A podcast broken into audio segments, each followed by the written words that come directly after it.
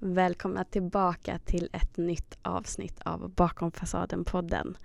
Och jag måste säga att idag sitter jag med lyckopirr i kroppen och har gjort eh, ända sedan jag satt mig på bussen hit. För den här gästen är någon som verkligen resonerar och jag ryser i hela kroppen just nu eh, med mig och min resa.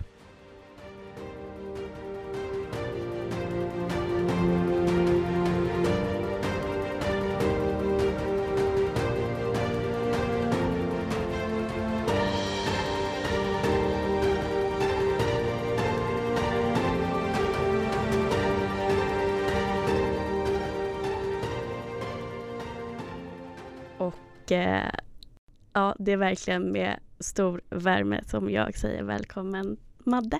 Mm, tack så jättemycket. Vilken fin, vilket fint välkomnande. Det värmer mig jättemycket. Jag känner mig, känner mig väldigt välkommen. Ja, det hoppas jag. Mm. Det hoppas jag för det är du verkligen och eh, jag vill först och främst säga tack till dig.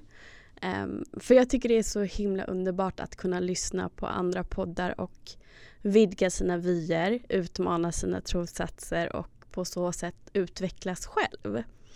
Och eh, ända sedan du och Peter började också med era Go Deeper, heter det va? Precis, going deep. Going Deeper.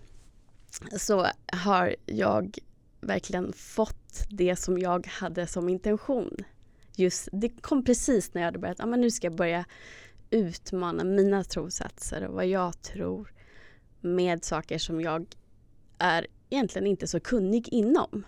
Och bara er relation har också varit, jag har också varit en av de som undrar så här, men vänta, vad hände här? Hur, hur gick det här till? Ja. Eh, men det avsnittet var verkligen oj vilken käftsmäll man får på sina fördomar. Mm, vad fint att du säger det. Så det var så himla häftigt. Mm, vad glad jag blir. Ja, men det, för att ge lite bakgrundshistoria till det du säger så Precis, jag driver podden Perspektiv Mm. och det, den podden startade jag med intentionen och med, med tron om att eh, så här, Ja min intention är att bidra till att hjälpa människor till ökat välmående och en av de nycklarna som jag tror mycket på är just förmågan att bjuda in nya perspektiv. Eh, och, och därav så bjuder jag också in gäster som liksom berör ämnen som kan sticka både mig själv men också framförallt kanske andra i ögonen.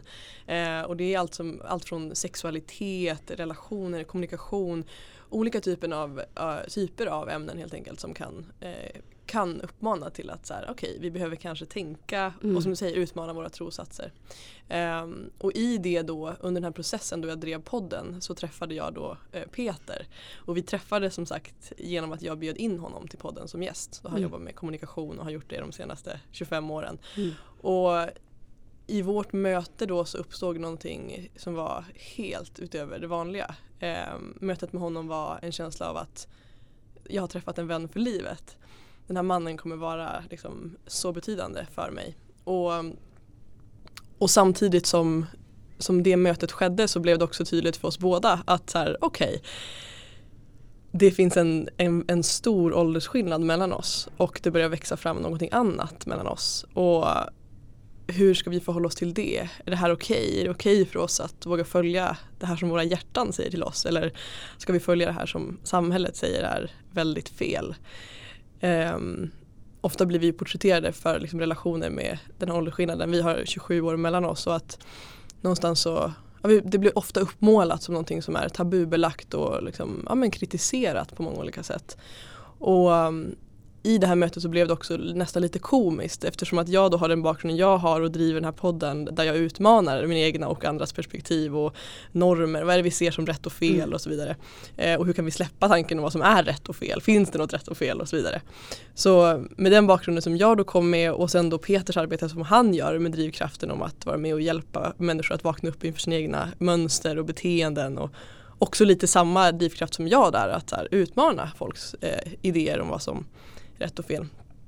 Så ja, det, det är nästan lite humor att vi har mötts med tanke på att här, vi får ju verkligen en utmaning att, att stå inför och att stå upp för en relation som ja, jag tror att det här, det här hjälper oss att vara ännu mer kongruenta i våra, våra liksom, missioner som vi har. Mm. Eh, och att verkligen så här, vi har pratat om det här länge och vi står upp för det här men nu är det dags att visa att vi också gör jobbet. Liksom. Och Inte väljer, bara ja. Talk the talk utan också walk the walk. Exakt, ja. Uh, och med den liksom, insikten så har det också varit enklare för oss i allt vad det har inneburit med alla utmaningar och rädslor och så vidare som vi har fått bemöta så har det någonstans ändå ja, för mig har det alltid funnits med mig att så här, ja, jag står för det här, nu är det dags att visa. Mm. um, så ja, det, det har varit en resa och därför gör det, liksom, det värmer mitt hjärta väldigt mycket att höra din, dig dela det, att podden når dig på det sättet som det faktiskt gör. Ja, men jag tror också att det, det, det blir liksom det känns så självklart att det ska vara ni när man lyssnar så jag förstår eh, de runt omkring er som har sagt det när de har mött er. Eh, men det är inte bara det utan det känns också som att det är väldigt givande att lyssna på ert resonemang och hur ni möter varandra och eh, jag tror att det för mig tillbaka lite grann också till när jag började lyssna på podd som blev min inspiration till att podda själv. Det var när Jessica Ekman och, och Mikael Nordlöf hade Relationsverket. Just det, fantastisk podd. Ja, och, och jag, liksom, jag har gråtit, jag har skrattat och jag grät när de bestämde sig för att lägga ner den. Ja. Eh, för att det öppnade upp någonting i mig som har varit liksom som en liten pyrande längtan. In, men jag har inte riktigt förstått varför. Jag tror att det väckte den här viljan att vara autentisk. Som jag sedan har jobbat på de senaste två åren. Och det är det som resonerar så mycket med också med perspektiv eller perspektiv då mm. din podd och ditt uttryckssätt och den du är därför att ni är och framförallt du är så autentisk. Mm. Och det är därför jag också har bjudit in dig här idag. För att vi ska också kunna resonera och bara ha ett fint samtal och förhoppningsvis inspirera vidare till att andra som känner samma längtan som jag gjorde också kunna känna att ja, men det är det här jag vill, hur når jag dit? Hur nådde Helena och Madde dit? Just det. Mm. Så, så jag tänker också, för du hade ju också eh, ett annat namn på podden innan och jag tänker det är kanske inte alla som hängt med eh, liksom från, från den tiden. Om du skulle kunna berätta lite grann bara om hur allt startade. Vad började liksom växa inom dig som gjorde att du ville starta en podd?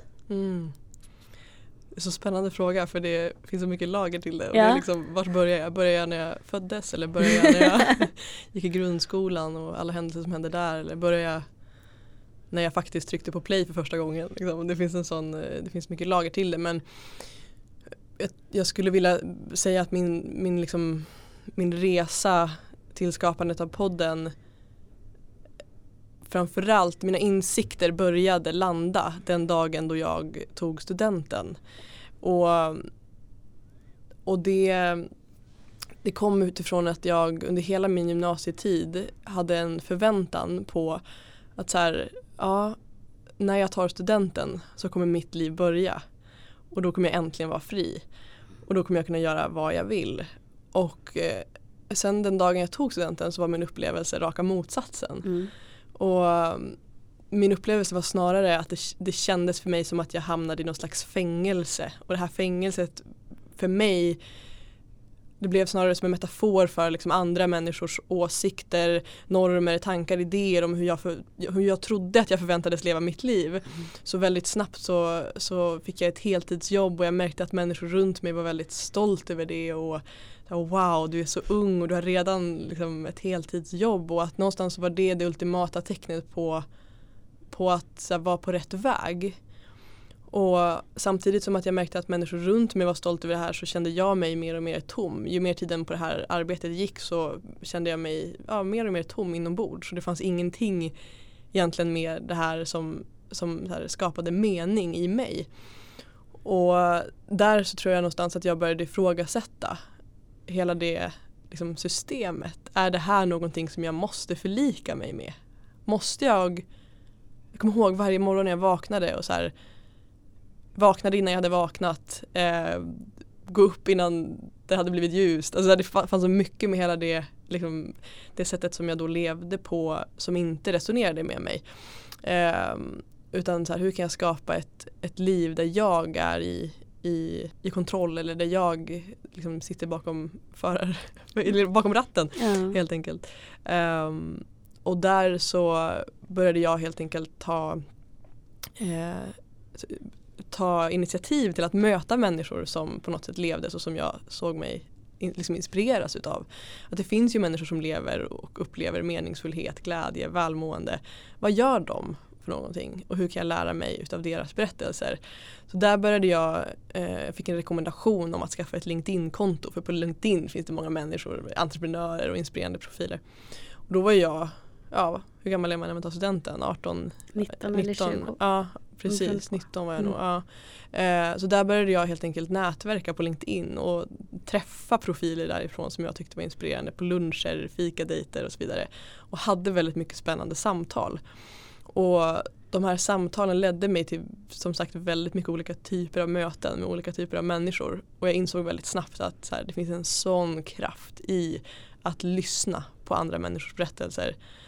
Och det är någonting som jag har levt efter sedan den dagen. Att jag tror så mycket på så här, skolan i att lyssna på andra människor. Eh, och att lära mig.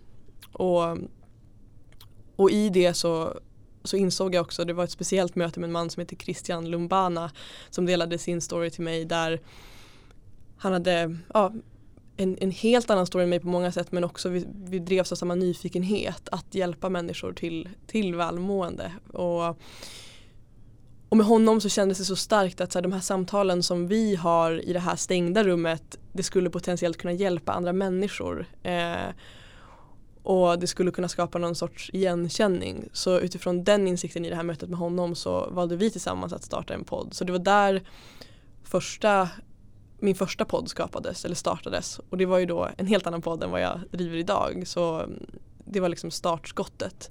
Sen efter en, ett, ett tag då vi drev den podden tillsammans så insåg jag att eh, det här är någonting jag vill göra, alltså for real. Det här, det här är någonting jag, jag är här för att göra det här. Jag är här för att lyssna på människor och hålla space och liksom ta, ta fram, lyfta fram det bästa ur människor och på något sätt sprida deras stories. Och um, i det så valde jag då att um, jag kastade mig ut på massa, jag var så nyfiken på så här, kunskap, hur kan jag lära mig av de bästa? Så jag åkte ut, liksom reste runt världen, åkte till Los Angeles, gick på Tony Robbins konferenser, åkte till Amsterdam, gick på andra av hans konferenser där, eh, lyssnade på Gary Vaynerchuk i London och liksom bara djupt dök in i eh, liksom, olika mentorer som jag då upplevde gav mig mening. Och um, på ett av de här eventen då när jag var i, i Los Angeles och lyssnade på Tony Robbins så insåg jag också att så här, wow, det finns så mycket människor som bor bor runt om i världen som besitter också så mycket berättelser. Jag vill dela dem också. Um, så där och då så föddes idén till att här, ja, jag vill skapa en egen podd i ett annat namn och göra det på engelska. Så där på det här eventet så började jag, då hade jag ingen poddutrustning med mig. Jag hade, inte liksom, jag hade ju min podd med Christian men jag hade inte någon egen podd. Eh, så egentligen hade jag ju ingenting att sälja in mina samtal till med de här personerna som jag ville möta på eventet. Utan då, ja, men då bestämde jag mig för att så här, okej jag får göra det bästa av situationen. Så jag gick runt där med min telefon och så här, knackade på folks axlar och sa din story inspirerar mig, jag skulle vilja prata med dig i fem minuter. Kan jag få fem minuter av din tid? Eh, och eh, och skapade liksom mobilintervjuer, riktigt dålig kvalitet på de här videoserna. Men det var en så viktig del i min resa, också det modet det krävdes utav mig att faktiskt göra det eh, och fullfölja det. Och det blev startskottet sen för då min egna resa med poddandet. Och, ehm, ja, och sen den dagen så har, har det kristalliserats på olika sätt i min mission och min, min intention med det jag gör och så vidare. Och ja, jag skulle säga att det är väl kanske den kortfattade versionen utav av, eh, av poddandet. Sen finns det såklart också andra lager till det också som så här sträcker sig längre tillbaka i tiden än, än just det här, det här, de här mötena från LinkedIn och insikterna runt gymnasietiden och så vidare. Det var också under en period när jag var ännu yngre, alltså liten barn. Eh, liksom, då jag, jag har alltid haft en väldigt nära relation till min farmor och jag tycker mig liksom se hur det har präglat mig så mycket. Att jag har varit så nyfiken på att sitta runt köksbordet med henne och hennes vänner och lyssna på dem. Och också alltid som liten känt mig väldigt välkommen i sammanhang med liksom, människor från andra generationer, andra bakgrunder och så vidare. Och det har gjort att jag någonstans har Ja min nyfikenhet har, har liksom kommit till liv genom det skulle jag säga. Så jag vill också verkligen hylla alla de vuxna som fanns med mig och framförallt min farmor under tiden då jag var liten. Då, ja, jag tror att min nyfikenhet verkligen fick ta plats och det är den som driver mig idag. Min nyfikenhet är liksom, skulle jag säga, mitt, mitt ankare i allt jag gör. Fint. Mm. Och vad fint också att bli insläppt. Jag känner igen mycket i, i din berättelse att ha den här nyfikenheten och också viljan väldigt tidigt att, att föra de här samtalen. Um, jag vet att jag kände mig väldigt annorlunda min upp, under min uppväxt för att jag hade det behovet. Jag ville inte bara hålla på och leka häst och uh, springa runt på skolgården utan jag gick omkring och pratade med fröknarna på rasterna också. Uh, och uh, just det här att mina föräldrar alltid välkomnade mig i de vuxna samtalen gjorde att när det var vuxna som inte välkomnade mig i samtal eh, det gjorde väldigt alltså, ont mm. inuti för jag förstod inte varför jag inte var välkommen för att det var jag alltid hemma eller liksom med mina föräldrars vänner och sådär. Om de satt och pratade om någonting och jag kom och satte mig och ville lyssna så var det ingen som slutade prata eller tyckte att nej men gå och lek med de andra barnen. Så jag, jag minns verkligen så väl på fritids när jag gick och ställde mig där och de sa nej men vi pratar vuxenspråk, eller vuxensamtal här nu, du får gå härifrån. Hur, hur förnärmad och, och förvirrad jag blev eh, av det. Men jag tror också att tyvärr så har jag eh, och jag säger tyvärr för att jag, jag verkligen ser det som eh, någonting negativt att jag har tryckt tillbaka det här väldigt mycket och valt att leva väldigt normativt fast det har varit ett enormt skav inombords. Um, en stor del av mitt liv. Tills att jag kände att det, liksom, det skriker för högt inombords. Jag kan inte, inte lyssna på min inre röst längre. Jag måste skapa en förändring och det är bara jag som kan skapa den här förändringen. Och sen den här resan med olika mentorer och sådär. Jag tror att det är ett nödvändigt steg för att också hitta det man själv vill vara. Också hitta modet till att vara autentisk vilket inte alltid innebär att följa normer. Precis. Um, och där kan det vara ett bra steg på vägen men jag tror också att det är väldigt viktigt att hitta sin egen röst och inte lita blind på vad så kallade gurus säger utan hitta, ja men det här resonemanget som kanske Tony Robbins har, för han säger också I'm not your guru. um, det resonerar med mig. Det känns som att det är sant för mig. Ja men då tar jag till mig det och sen plockar jag till mig det och sådär. Men att jag skapar den jag känner att jag vill vara utifrån det jag väljer att ta in och inte lita blint på att någon annan ska säga åt mig hur jag ska leva. Precis, men verkligen. Och det som kommer till mig när jag hör dig prata också om det just det här att och något som jag har verkligen fått integrera i mig själv de senaste åren att saker och ting så sällan är statiskt. Alltså ingenting i min utveckling är statiskt. Nej. Så det som, det som liksom idag kan intressera mig kanske är någonting helt annat imorgon. Eh, och den perioden till exempel med då jag var liksom verkligen djupt indyken i Tony Robbins och, hans kunskap och, och, så vidare. Det gav mig så sjukt mycket för det gav mig enormt mycket mod och förmågan att så här okej, okay, jag har allt jag behöver inom mig och typ min, mitt, min enda uppgift är att unleash it. Mm. Han pratar mycket om att unleash your power och det var det jag lärde mig med honom. Mm. Um, och samtidigt så är det någonting idag som för mig inte resonerar på samma sätt eh, utifrån att det är en väldigt, om man ska prata maskulint och feminint, det är väldigt maskulin energi av att så här, det krävs hårt jobb, det krävs disciplin, det krävs action, det krävs det, det är väldigt mycket hårda värden som är väldigt värdefulla mm. men det blir också en ensidig liksom, polaritet i det eh, och det har jag jobbat mycket med de senaste åren att hitta mera det feminina, alltså vilka metoder kan jag ha som lär mig de här mjuka värdena och hur kan jag skapa mitt liv utifrån att så här, våga följa flowet, våga följa det som känns levande, mm. våga lyssna inåt. Att så här, allting handlar inte bara om att ha en struktur utan hur kan vi också, hur kan jag inkorporera båda de här delarna. Hur kan jag skapa en struktur men också tillåta att följa mitt flow i mm. relation mm. till den här strukturen. Mm. Så ja, jag tänker att det är en viktig påminnelse också om att ja, men ingenting är statiskt utan allting är i ett ständigt flöde. Och ja, idag är inte samma som imorgon. Eller igår. Nej, och det vore ju liksom egentligen att stanna upp utvecklingen om det hade varit så. Exakt. För jag tycker också någonting som eh, Paul Delvaye säger i sin podd Öppet sinne eh, rekommenderar verkligen hans eh, podd och framförallt öppnar mitt sinne. De, för att han säger också det att självklart har vi alla eh, varit på olika platser i livet. Det är, liksom, det är så livet ser ut. Och någonting som jag har sagt för, säg sju år sedan är kanske ingenting jag kan stå för idag. Därför att jag har gjort en förändring och jag har gjort en utveckling.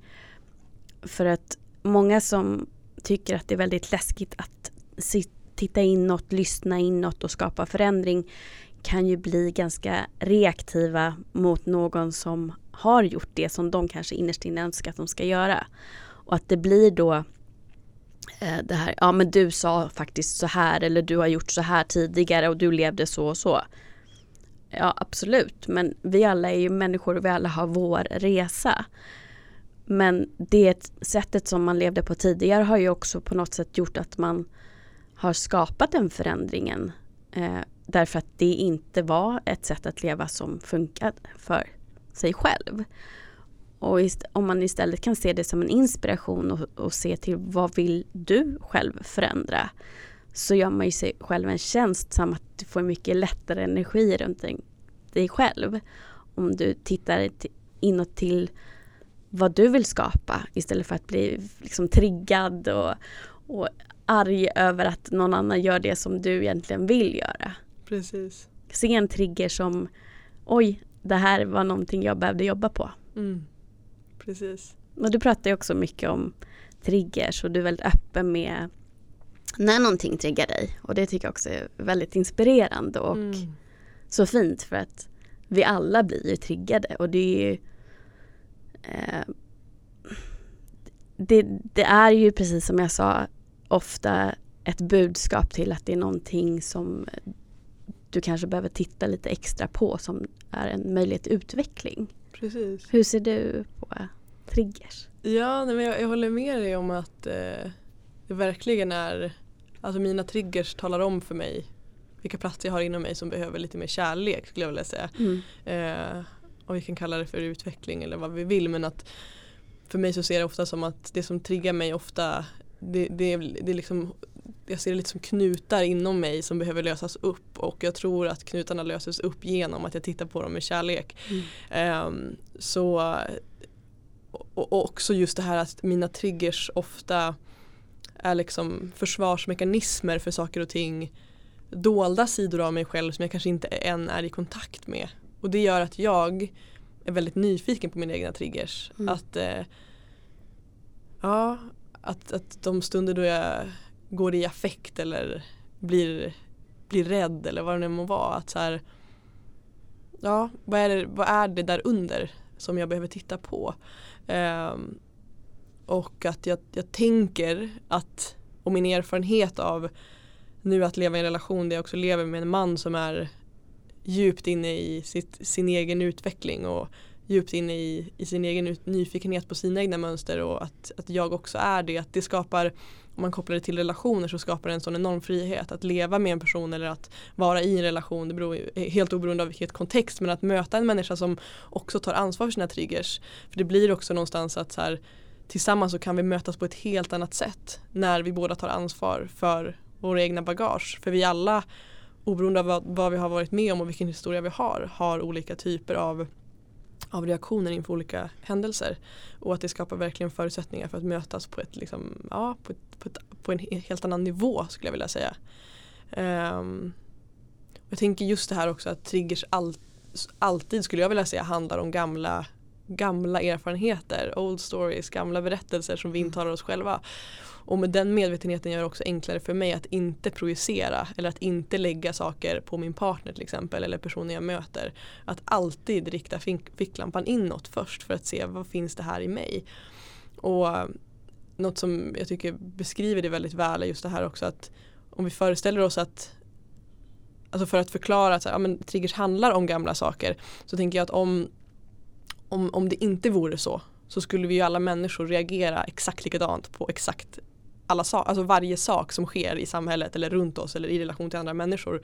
Vi skulle alla ha samma reaktion inför det. Om det inte vore så att våra gamla erfarenheter påverkar våra triggers. Och jag kan nästan garantera att här, om vi drar upp några olika scenarion bara se att du och jag skulle så här, åka iväg och resa en, en, en vecka mm. um, och så stöter vi på olika typer av människor som berättar deras berättelser för oss så skulle vi nog baserat på våra gamla erfarenheter reagera på helt olika sätt inför det de berättar för oss. Mm. Uh, eller den dynamik som sker mellan oss på den här resan. Så um, det tycker jag är ett spännande förhållningssätt till just triggers. Att det alltid visar någonting inom mig som, som behöver mer kärlek eller som behöver min förståelse kanske. Mm. Och att det finns mycket, mycket lärdomar i det att hitta.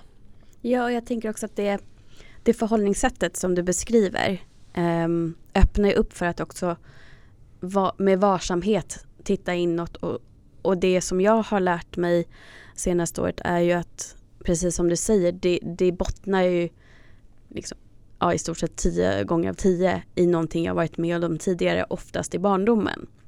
Men att du applicerar nya händelser på det och har du inte medvetenheten så reagerar du utifrån det som hände när du var liten men med en vuxen persons reaktion. Precis. Och det kan ju tyvärr bli väldigt olyckligt om man inte har den medvetenheten.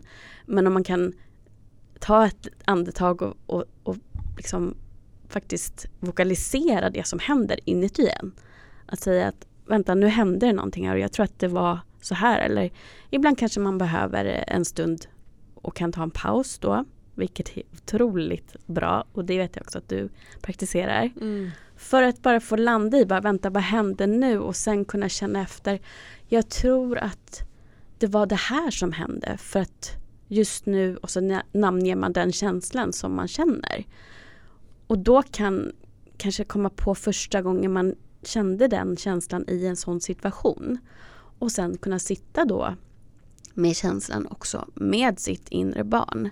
Precis. För att då kunna säga då till lilla sig själv att, ja i mitt fall blir det då lilla Helena att jag kanske säger så här okej okay, det här känner jag igen från när du kanske inte fick vara med de andra och leka för att du kanske var en sån period när du bara ville sitta och prata till exempel. Mm. Eh, och de ville bara leka häst. Och då kände du dig utanför och nu känner du dig bortvald i ett vuxensammanhang som triggar igång den lilla Helena som känner sig utanför.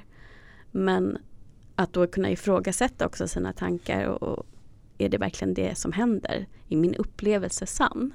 Precis. Eller är det bara så att jag reagerar utifrån att hon är rädd att jag är med om samma sak igen? Mm. Precis. Ja, och det där är tänker jag, så viktigt också att förstå att, att det du säger där att är upplevelsen sann? Att det, det känns också som en sån ja, hur, hur väljer vi att se på att saker är sant? För jag tänker för det lilla barnet så är det ju sant. Mm. Men att också som det du är inne på att separera också det lilla barnet från vuxna Helena eller vuxna Madeleine. Att okej okay, upplevelsen är sann för det lilla barnet men det är inte sant här och nu. Och att den, den skillnaden är så viktig. Och jag tänker att ofta i i relationer när konflikter uppstår så någonstans tycker jag mig se att det ofta handlar om just projiceringar. Att vi projicerar gamla eh, erfarenheter på det som händer här och nu. Och det gör mm. att vi inte kan reda ut vad det är vi faktiskt känner. Och det som faktiskt sker här och nu. Att det till slut hamnar i någon slags position av att vi inte, vi kommer ingen vart med det. Eh, och ja, att det finns en sån kraft då i att faktiskt titta på, på sig själv.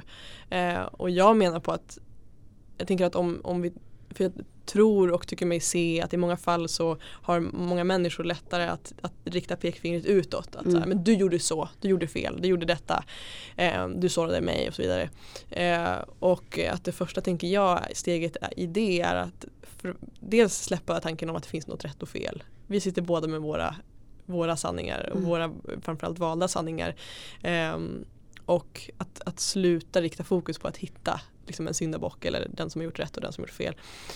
Um, och att då istället för att rikta fingret utåt, att, ja, rikta ficklampan inåt. Vilket ansvar har jag i den här konflikten och hur kan jag kommunicera bättre mm. för att också bli förstådd av min partner.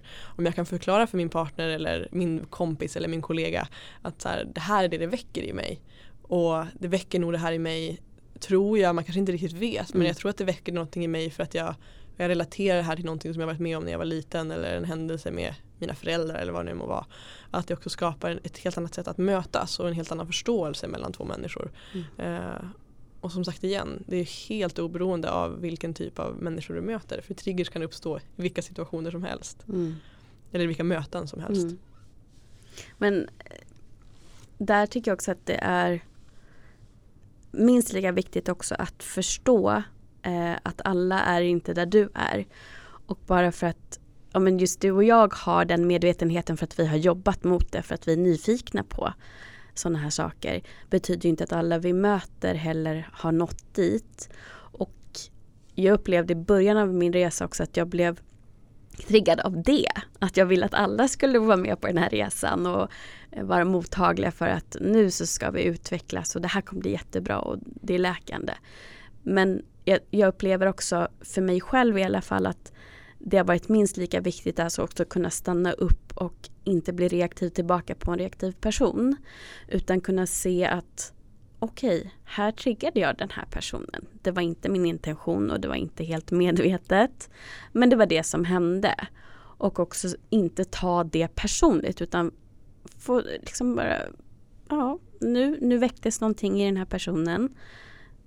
Det handlar om den här personen och någonting som den förhoppningsvis kanske jobbar på en dag. Men det är okej om de inte gör det och sen är det upp till mig att välja om jag vill fortsätta prata med den här personen eller om jag känner att det ger mig ingenting om jag bara får en reaktiv respons till saker vi pratar om. Den här personen får ha sin resa men jag behöver kanske inte följas åt just nu för att det krockar. Precis. Men inte heller ta det som ett misslyckande eller eh, bli kritiskt tillbaka mot mig själv för att jag har triggat en annan person. Precis. Jag håller med dig helt i det, verkligen.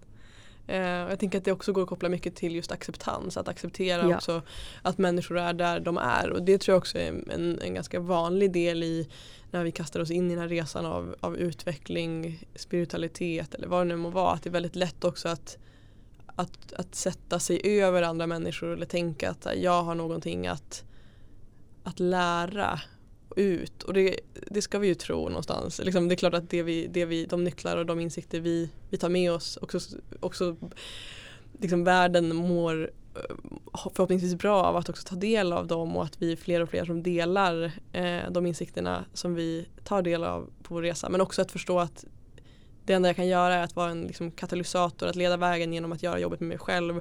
Och sen ligger inte mitt ansvar i att förändra andra människor utan att mitt ansvar kanske ligger i att verkligen och framförallt de personer vi har nära att Mm. acceptera och älska dem för det de är. Och vid sidan av det också ja, göra jobbet med oss själva. Mm. Ehm, och jag tror att bara genom att vi gör det så kommer det föda effekter som kommer också inspirera och vägleda andra utan att du ens lyfter samtalet. liksom. Mm. För rent energimässigt så är processen redan igång. Ehm, så det tror jag också uh, jättemycket på, verkligen. Och det kanske är det mest, absolut mest svå- det svåraste. Mm. Att faktiskt acceptera att människor inte är allt det vi kanske skulle önska att de var. Mm. Jag tycker också att det är svårt att formulera i skrift till exempel på Instagram ehm, min intention med saker jag skriver. Jag tänkte på det på vägen hit senast att jag kanske inte alltid formulerar mig så att det verkligen hör fram det budskapet jag har. Det kanske kan låta som att jag säger åt folk vad de ska göra. Fast egentligen så är det en uppmaning att titta på, är det här någonting jag vill göra? Go for it om du vill det. Att det, det, det är så himla tunn linje mellan uppmaning och en befallning ibland. I Just det. skrift i alla fall. Ehm, och just det här med inspirationsföreläsare också som, som du var inne på. Det här är också att framföra saker när, i en maskulin energi blir ofta, kan kännas lite dominerande och domderande ibland. Ehm, medan intentionen egentligen är mer mjuk och att inspirera någon att göra någonting som för dem framåt till ett ökat välmående. Precis. Men just att det är svårt men samtidigt så känner jag mig trygg i att kunna lita på att de personer som är mottagliga kommer ta det på rätt sätt. Eh, och annars så får man ju jättegärna säga till. Jag vet att det kan vara också svårt att säga, eh, eh, framföra kritik på ett sätt som gör att det, det framgår att det är välmenat eller, eller inte. Eh, men jag tänkte just på att det, det är svårt och det är också svårt att alltid känna att man kan landa i den här feminina energin om man känner att det är ens grundenergi. Mm. Eh, när vi lever i ett sånt samhälle som vi gör där det är så påtaglig maskulin energi. Vi ska vara drivna, vi ska framåt hela tiden. Och just när man pratar mer om, om sånt och jag kommer göra eh, liksom, ett avsnitt som handlar lite mer enbart om vad är maskulin energi och vad är feminin energi. Och att informera och lära mig mer om det själv också. Men jag känner samtidigt att det är det är en, en trygg och lugn känsla när jag känner att jag får vara mer i det feminina. Och att det är ett väldigt skav när jag är mer i det maskulina. Mm. Och det är väl lite som man kan börja när man, känner, när man vill känna efter vilken är min, eh, ja vad man ska säga då, primär energi. Primär liksom. energi. Ja. Mm. Eh, för att det, det finns ju egentligen inte ett könsbestämt så utan du kan ju vara en kvinna och, och känna att nej, men min primära energi är maskulin och där känner jag mig mest hemma. Precis. Men jag tror inte det är så många som känner efter och, utan vi mm. bara kopierar det vi lär oss och, det, mm. och bara följer normen och så går man omkring med det här enorma mm. skavet inombords. Mm. Ja men det jag tycker är så himla spännande också med just det här om vi pratar maskulint och feminint och att koppla det till våra inre energier att det är också igen där att komma tillbaka till att ingenting är statiskt. Att det är också så spännande att se det som att båda de här energierna finns inom mig och att det hela tiden är en, liksom, som en dans mellan de här energierna. Att mitt maskulina, min, mitt maskulina hjälper mig på väldigt många sätt att ta mig framåt. Och det feminina hjälper mig att, att behålla liksom lusten i det och det, det njutbara i, mm. i den här resan. Och, um, och att vara mer i närvaro, att vara mer i, i känslor, att vara mer i ja, men andra värden. Liksom. Mm. Och att någonstans också förstå att båda de här delarna är så viktiga i mig.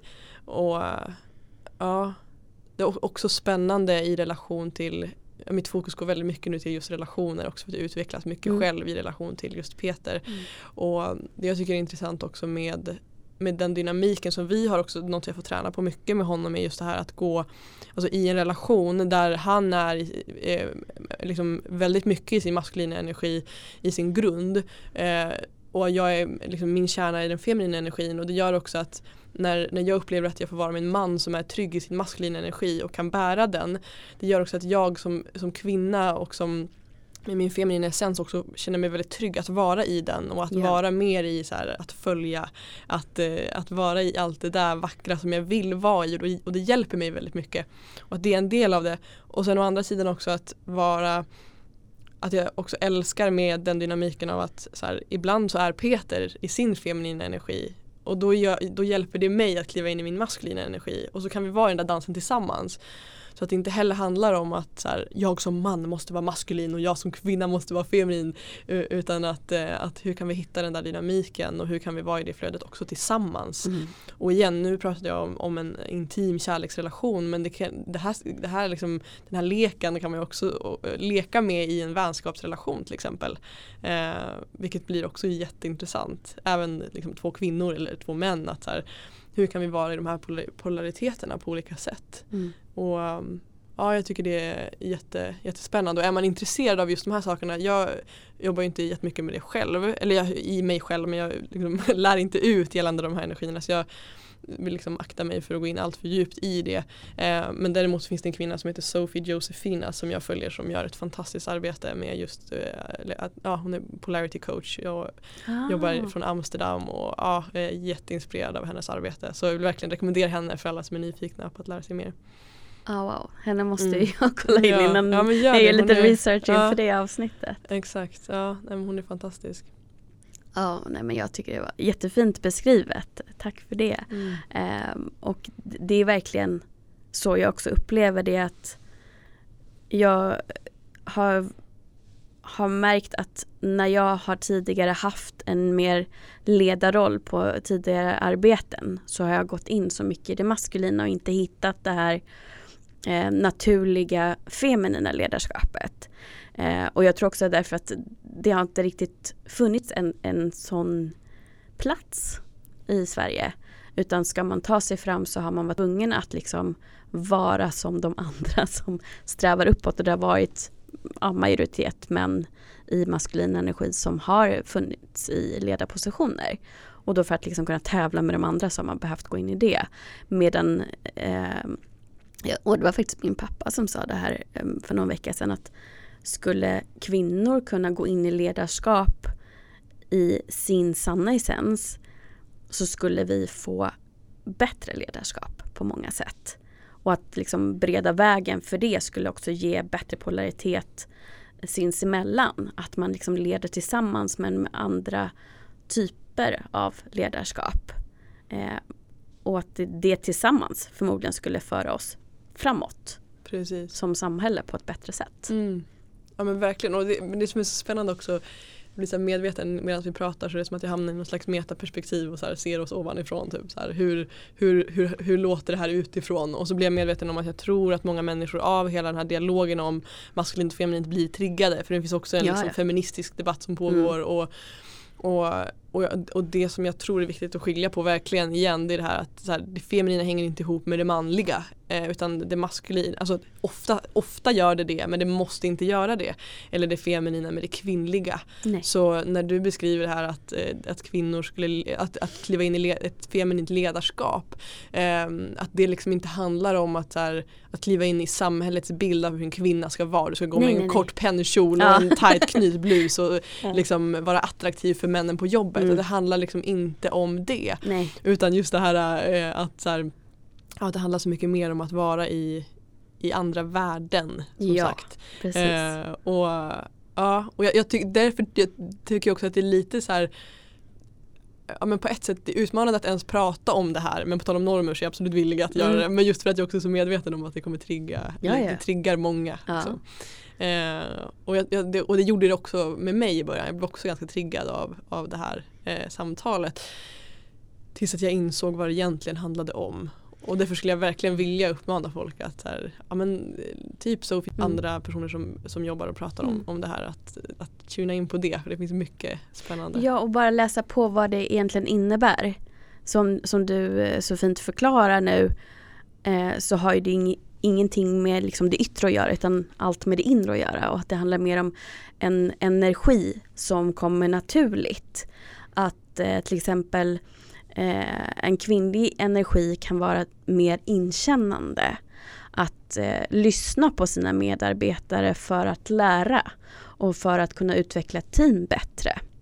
Och det är också någonting som eh, finns i många män. Så att det, det är liksom, det är inte som sagt upprepar igen, det är inte könsbestämt utan det handlar om olika energier. Där vi har det bo, allting inom oss, vi har båda.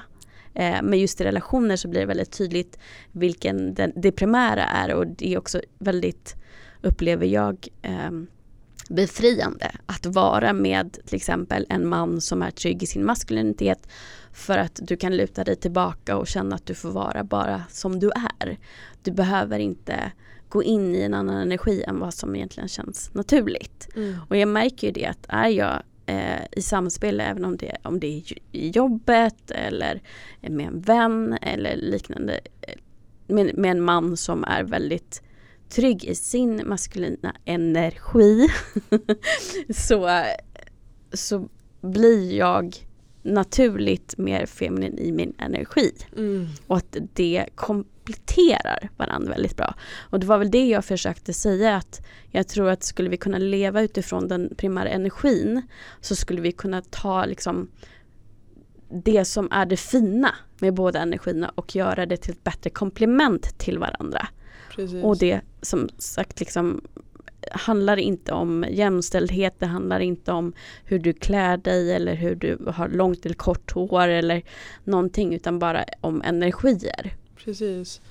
Ja men exakt, jag gillar det du säger också det här, äh, jag minns inte vilket ord du använde men att, att ta det fina från varje eh, energi liksom och att det tillsammans blir någonting väldigt fint. Jag, vet också, jag spelade in en intervju med en man som heter Rainier Wild eh, som jobbar just med, med, med män och med, att, med män att hitta sin maskulina energi. Och för mig blev det tydligt i den intervjun också, liksom den här, eh, eh, liksom, det, det, finns ju också en bild idag av så här, vad innebär det att vara man. Och den bilden hänger ofta kanske inte riktigt ihop med vad den, liksom, det hälsosamma maskulina är.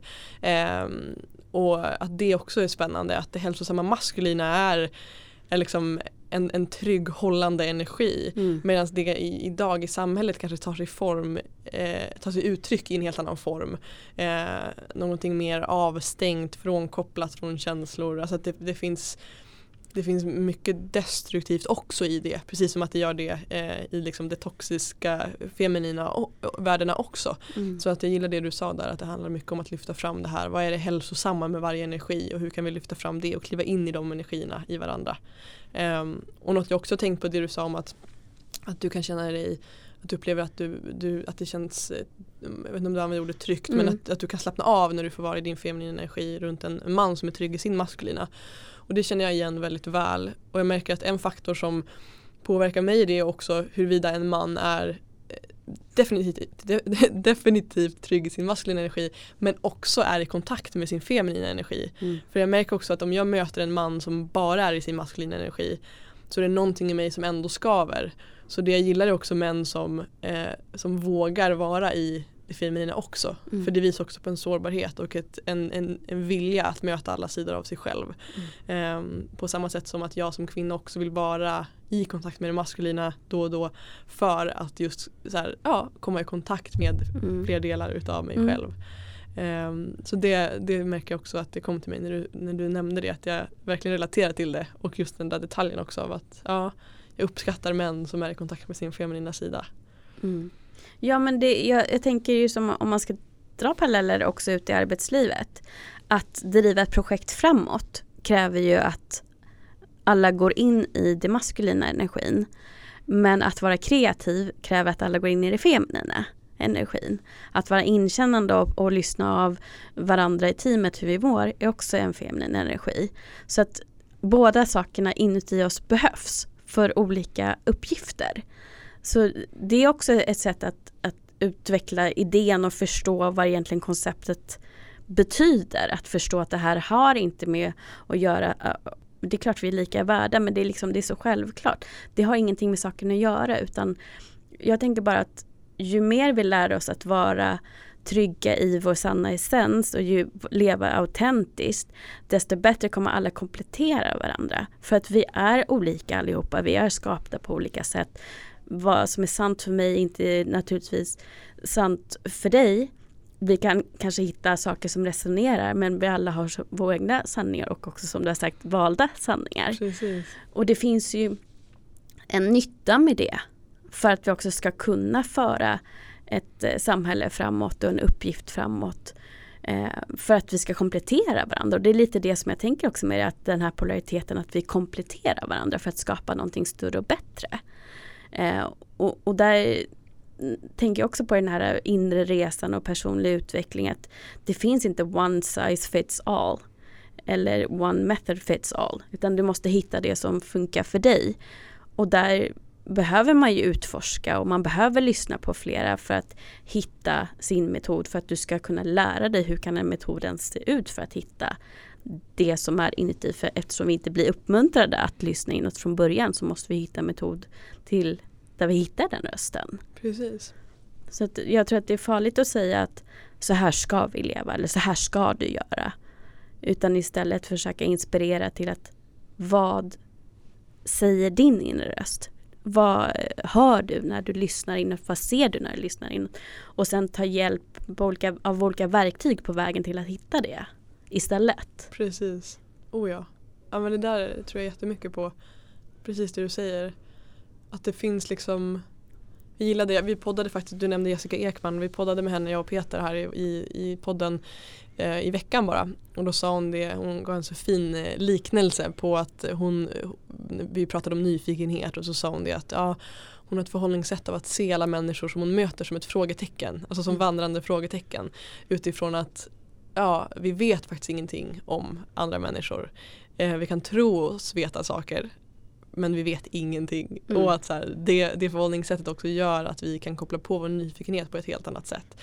Att det vore en helt annan sak om jag kom hit idag och så här, har skapat mig massa föreställningar om vem du är och vi aldrig har träffats. Och jag tror att någonstans så är det det går inte att bli ett, ett helgon och vara fri från fördomar eller fri från, från tankar och trosa- trosatser om saker och ting. Men att ha det förhållningssättet tror jag hjälper mycket. Att bli medveten också om, om det. Och det vill komma till kopplat till det du sa var just det här att ja, vi vet inte vad andra människor behöver eller önskar eller hur deras resa kommer se ut. Det enda vi kan göra är att lyssna inåt och ställa nyfikna frågor till andra.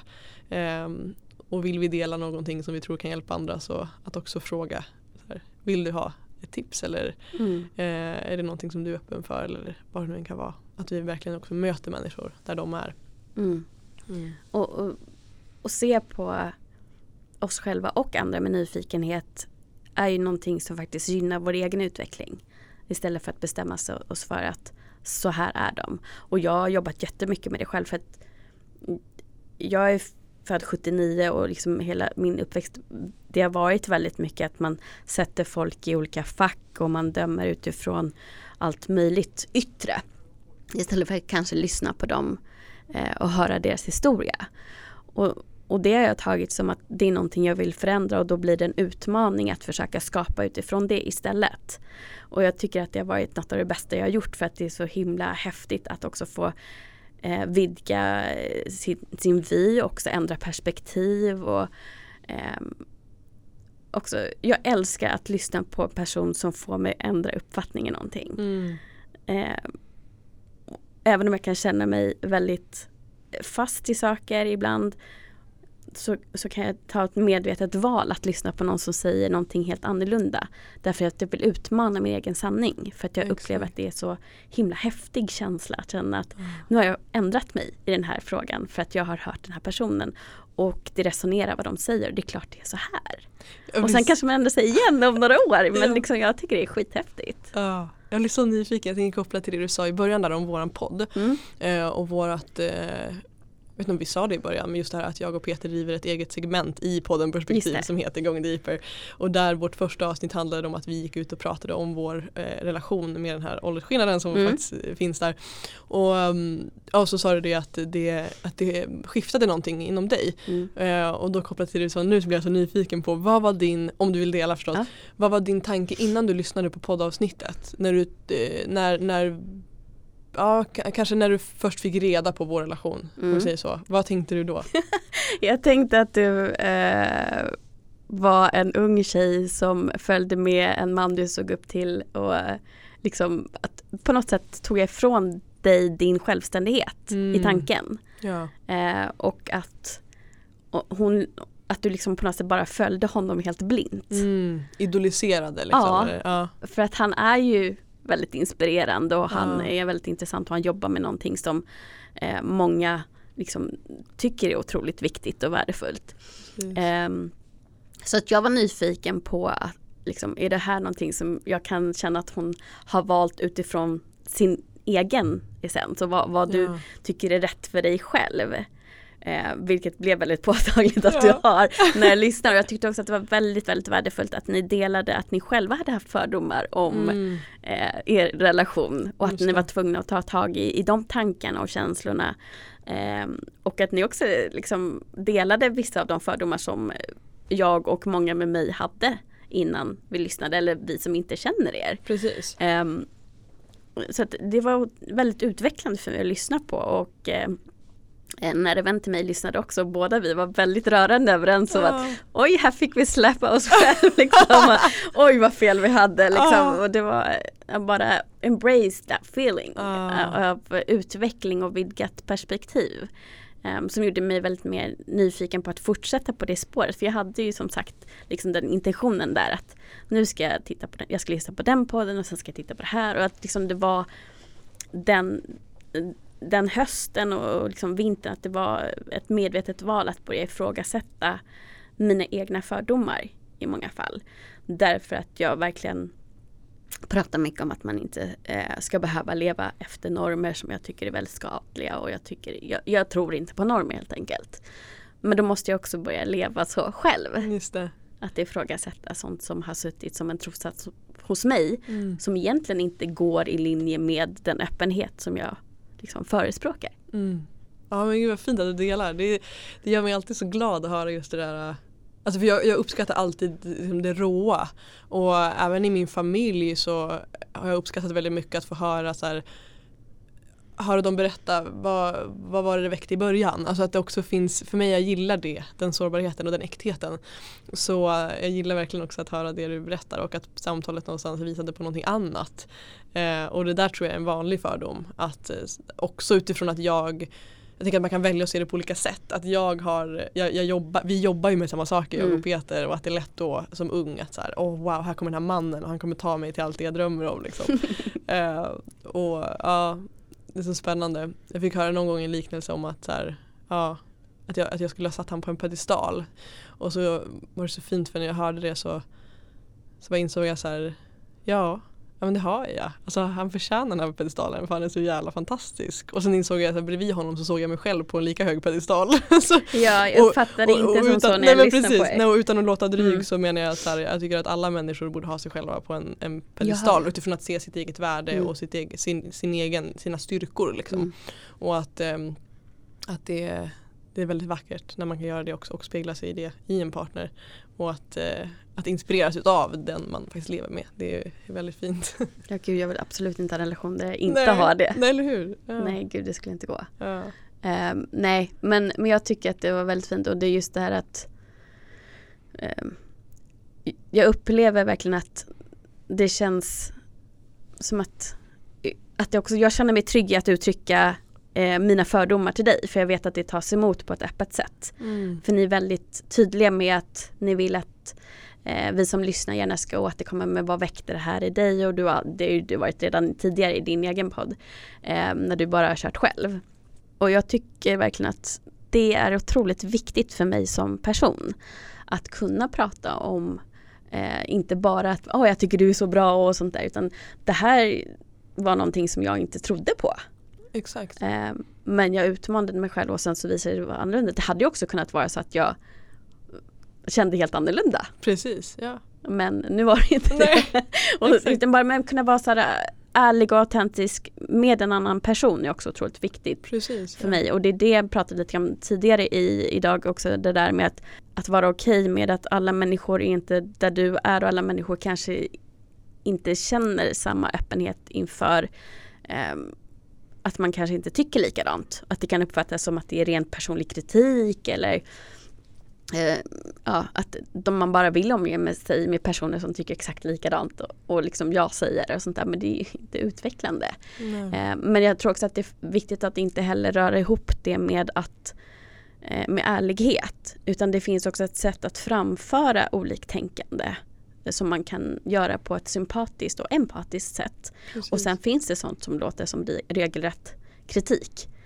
Och det är också en konst såklart att lä- lära sig uttrycka sig på bra sätt. Mm. Men jag tycker det är jätteintressant.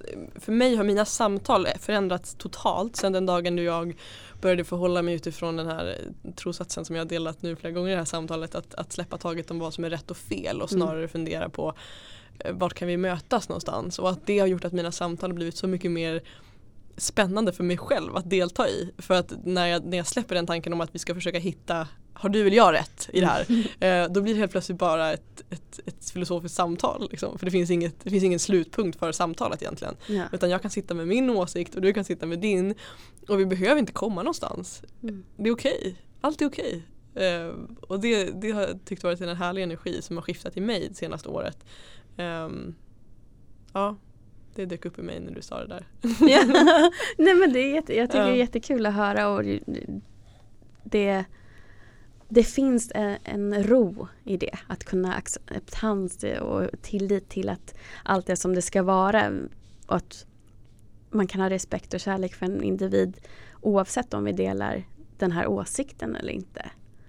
Sen är väl värderingar kanske lite mer viktigt att man delar om man ska ha en nära relation men också att kunna utmana sig själv att prata med folk som har en annan åsikt. Precis. Det är Mm. jättegivande upplever jag. Mm, verkligen. Men det är en utmaning. Ja, oh ja. Mycket enklare om alla är som en själv. ja. Ja. Eh, Men jag tänker lite avslutningsvis på det här fina samtalet. Eh, vi pratar mycket om intentioner, både du och jag. Framförallt du. Och tänker jag bara lite nyfiket fråga, vad har du för intention för 2022? Mm, fint. Min övergripande intention det är jag, jag behöver inte gå in på liksom detaljnivå, det här, det här, det här. Det här. Men, men min övergripande intention det är att att låta livet föra mig dit livet vill ha mig. Eh, och med det menar jag att verkligen följa med. Alltså let myself be guided och se vart jag hamnar. Så det är den energin jag vill ha det här året. Att verkligen tillåta mig själv att och, ja, följa med snarare än att försöka kontrollera saker till det jag vill. Och med det sagt så innebär det ju inte att jag inte ska agera um, utan, eller ja, min, min intention är att, att, snarare liksom respondera på de här små signalerna jag får i mig eh, som min inre röst säger till mig. Um, och respondera på det och agera på det som känns lustfyllt. Um, så det är väl den övergripande intentionen. Sen så känner jag att det här är ett år av väldigt mycket skapande. Jag känner att jag, har, jag sitter med väldigt mycket inspiration i min kropp och jag vill ta fram väldigt mycket nya sätt att nå ut på. Eh, så jag och Peter sitter just nu mitt i, vi ska lansera ett, en, ett träningsprogram för relationer eh, och, och det är liksom en, en startpunkt för eh, vad, vad jag ser att 2022 kommer stå för. Alltså mycket nya sätt att, att eh, att, ja, att nå ut och bidra och, och hjälpa människor. Och mitt fokus kommer också gå ännu mer just riktat till relationer. Tidigare så har det handlat mycket om liksom, ja, relationer också men inte lika kristalliserat. Så det jag skulle säga att mitt fokus kommer gå ännu mer till just relationer. Um, ja, var det svar på din fråga? Ja, det tycker jag. Och jag tycker det är så roligt också för att jag tänkte att den här säsongen ska rikta sig in mer och mer på relationer. Så mm, när jag får börja boka igen. boka igen, vad menar du? Nej men bokningen till den här studion ah. har, jag får inte boka längre än till februari just nu. Ah, okay. Så jag tänker att när, jag, när de öppnar upp för lite ja. fler så, så får gärna du och Peter komma och berätta ja, mer om fint. det här träningsprogrammet ja. för relationer. Jättegärna, supergärna så kommer jag också kunna leva lite mer in i min intention som mm. är att vara mer nyfiken just på relationer för att mm. jag har jobbat så mycket med att lyssna inåt och titta inåt och utvecklas personligen. Mm. Ja. Men vi lever ju gärna i samklang med andra personer mm. och i ja. relationer. Exakt. Ja, vad fint. Tack så jättemycket Madeleine för att du har varit här idag. Tack så mycket. Jätte, jättefint. Mm, tack till dig Helena för att jag fick komma hit. Det betyder jättemycket. Tack för din nyfikenhet och din öppenhet och ärlighet. tack detsamma. Mm. Och eh, detsamma vill jag också säga till dig som lyssnar för att eh, ni har ju visat öppenhet och nyfikenhet som har lyssnat på vårt samtal idag. Och eh, precis som eh, Madeleine brukar säga så får ni jättegärna höra av er både till mig och till eh, Madde då om ni har några reflektioner eller tankar på det vi har pratat om. Och eh, hur når man dig lättast? Jag skulle säga enklast kanske är på Instagram. Eh, jag heter, ja mitt namn är jättekonstigt, det är Mofjärd utan ä. Mm. Eh, men om man söker på Madeleine Mofjärd så hittar man mig där. Det brukar vara enkelt att hitta folk på sociala medier nu för tiden. Ja. Och hittar ni bakom fasaden-podden så kan ni gå in och titta på mina, mm. de jag följer. Precis. Så hittar man dig där. Sen så har jag även en, en hemsida som heter mofjärd.com. Där hittar man eh, min podd. Eh, jag bygger även hemsidor så där kan man också liksom, hitta mina tjänster kopplat till det. Kommande kurser och så vidare. Träningsprogram. Så där finns också eh, Ja, där finns ju mer information om helheten så att säga. Då gör jag så att jag länkar till din hemsida och också till mm. podden såklart. Ja, fint. Så kan ni gå till beskrivningen av det här avsnittet för att hitta det helt enkelt. Mm. Ja. Tack. Tack så mycket och eh, ja, som vanligt tills vi hörs igen, ta hand om dig.